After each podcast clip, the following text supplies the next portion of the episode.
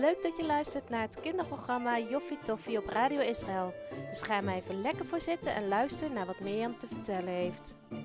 Hallo lieve kleine mensen en grote mensen. Wat leuk dat je luistert naar een nieuwe aflevering van Joffie Toffie. Vandaag ga ik verder vertellen over het Loofhuttenfeest.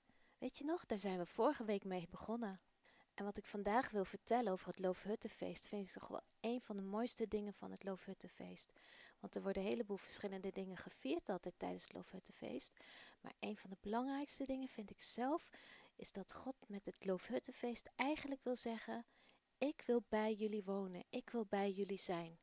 Toen God met de Israëlieten meeging in de woestijn, was God bij de Israëlieten ook in een tent, in het tabernakel, waar de ark van het verbond stond.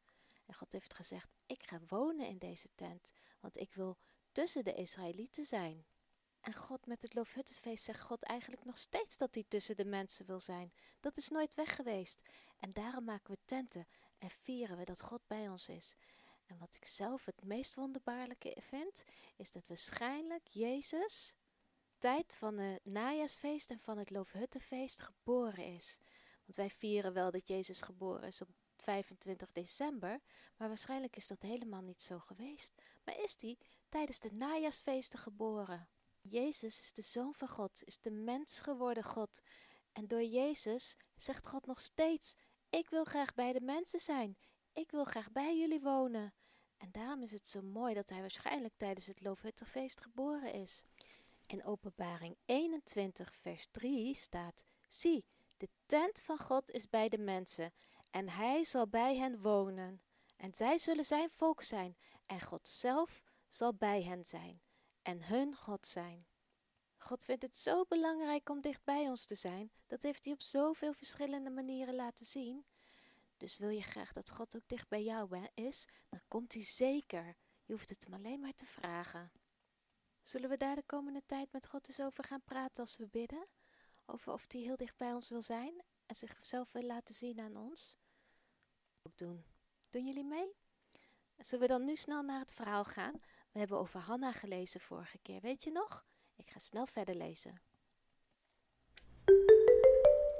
Hanna is snel weer bij haar klas. Ze hangt haar jas op en zet haar tas weg. Gauw pakt ze haar stoel van de tafel en gaat klaarzitten. Daphne, haar vriendinnetje, zit naast haar. Hanna ziet dat de juf er nog niet is. En dus vertelt ze Daphne over haar reis naar Israël. Ik ga een hele week naar Israël. Daphne vindt het maar wat spannend voor haar vriendin. De meisjes kletsen er samen honderd uit over. Dan komt de juf binnen. De dag gaat nu echt beginnen. Hopelijk kan Hanna haar hoofd er een beetje bij houden. Ze moet tenslotte nog even geduld hebben voor haar logeerpartij begint. De dag gaat gelukkig snel voorbij en Hanna kan zich meestal goed concentreren. Even dwalen haar gedachten af, omdat de juf muziek laat horen. Het maakt dat Hanna aan Israël denkt. Gek hè?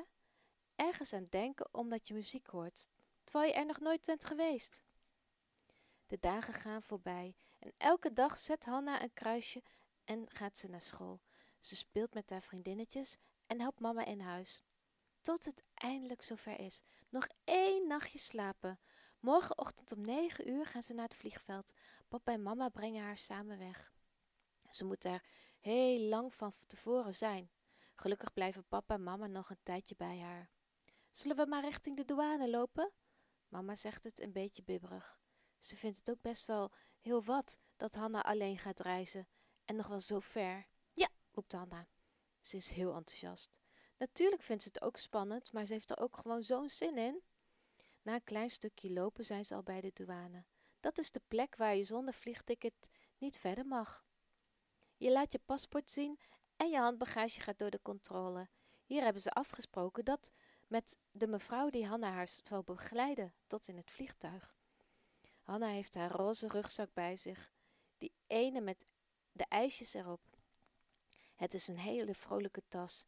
Ze heeft thuis met mama al haar spullen ingepakt en in de tas zitten twee knuffels, één leesboekje, één kleine pop en haar portemonnee.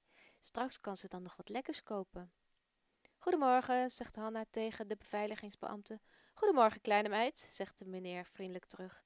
Waar gaat de reis naartoe? Ik ga naar Israël bij mijn opa en oma logeren. Oh, dat klinkt erg leuk. De meneer geeft een geeft ondertussen haar paspoort weer terug en ook haar tas. Veel plezier hoor. Uh, dank u, zegt Hanna. En ze geeft een grote glimlach. Ze is er nu helemaal klaar voor, want de mevrouw met wie ze heeft afgesproken komt juist aanlopen. Hanna Fortuin? De mevrouw kijkt haar aan. Hanna knikt en loopt naar haar toe. Ik blijf de komende uren bij jou en breng je op tijd in het vliegtuig. Kijk eens, ik heb hier een mooi boekje over het vliegtuig. Kijk er maar vast in, dan praat ik nog even met je ouders. Hanna gaat op een, een van de stoeltjes zitten en bladert in het boekje. De mevrouw loopt naar de ouders en geeft hen een hand. Eventjes praten ze nog met elkaar en dan komt ze Hanna af, op Hanna aflopen. Zullen we maar gaan? Hanna geeft haar papa en mama een flinke knuffel. Mama aait nog even over haar wang en fluistert nog wat in haar hoor. We houden van je hoor. Ik hou ook van jullie, zegt Hanna. Dan steekt de mevrouw haar hand uit en Hanna pakt hem aan. Samen lopen ze richting de winkels, achter de douane. Papa en mama zwaaien zo lang als ze Hanna nog zien. Dan lopen ze terug naar de parkeergarage en rijden ze weer naar huis. Voor Hanna begint het avontuur nu echt. Ze merkt al gauw dat mevrouw heel aardig is. Ze maakt grapjes en wijst Hanna op allerlei leuke en interessante dingen. Ze heeft gezegd dat ze pas over twee uur in het vliegtuig gaan oefenen. Ze kunnen dus van alles doen in de tussentijd. Hanna mag kiezen. Ze zitten nu aan de warme chocomelk met een heerlijk gebakje. Zit ik straks bij het raam? vraagt Hanna. Eens even kijken op je ticket. Aha, hier staat 14C. Dat is de stoel aan het gangpad. Maar als je heel graag bij het raam wil zitten, kan ik dat wel vragen hoor. Hanna denkt er even over na. Het gaat wel heel hoog, zo'n vliegtuig. En wat als ik naar de wc moet?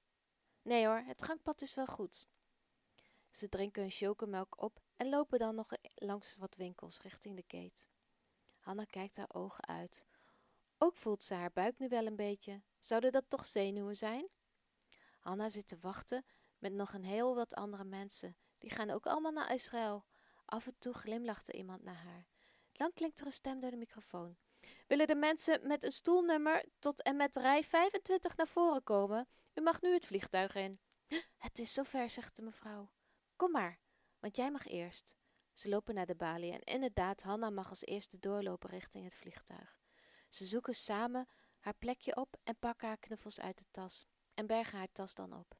Zo meisje, zegt de mevrouw, zit je goed? Hanna knikt. Ze geeft haar een omhelzing en loopt naar een van de stewardessen. Die zullen gedurende vliegrei de vliegreis op Hanna passen. Zo, nu blijven we voorlopig recht doorvliegen hoor. Het opstijgen vond Hanna echt spannend. Haar oren deden er een beetje zeer van. Gelukkig kwam een stewardess naast haar zitten. Ze krijgt wat te drinken en ze heeft inmiddels haar boekje ook.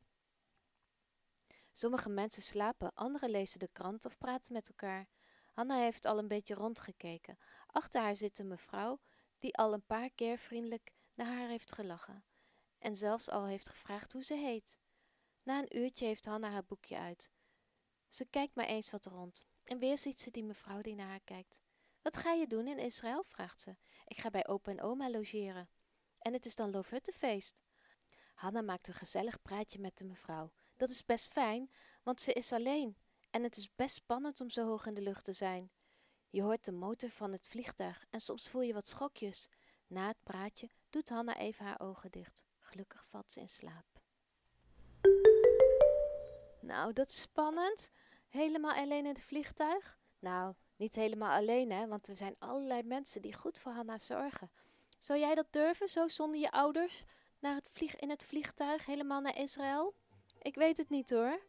Volgende week gaan we horen hoe het verder gaat met Hanna. Luisteren jullie dan ook weer? Tot dan!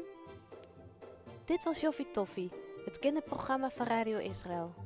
Wil je nog graag iets kwijt? Stuur ons dan gerust een berichtje op joffitoffie.radioisrael.nl De presentatie was in handen van Mirjam en we vonden het joffie tof dat je luisterde en hopen dat je er volgende keer weer bij bent.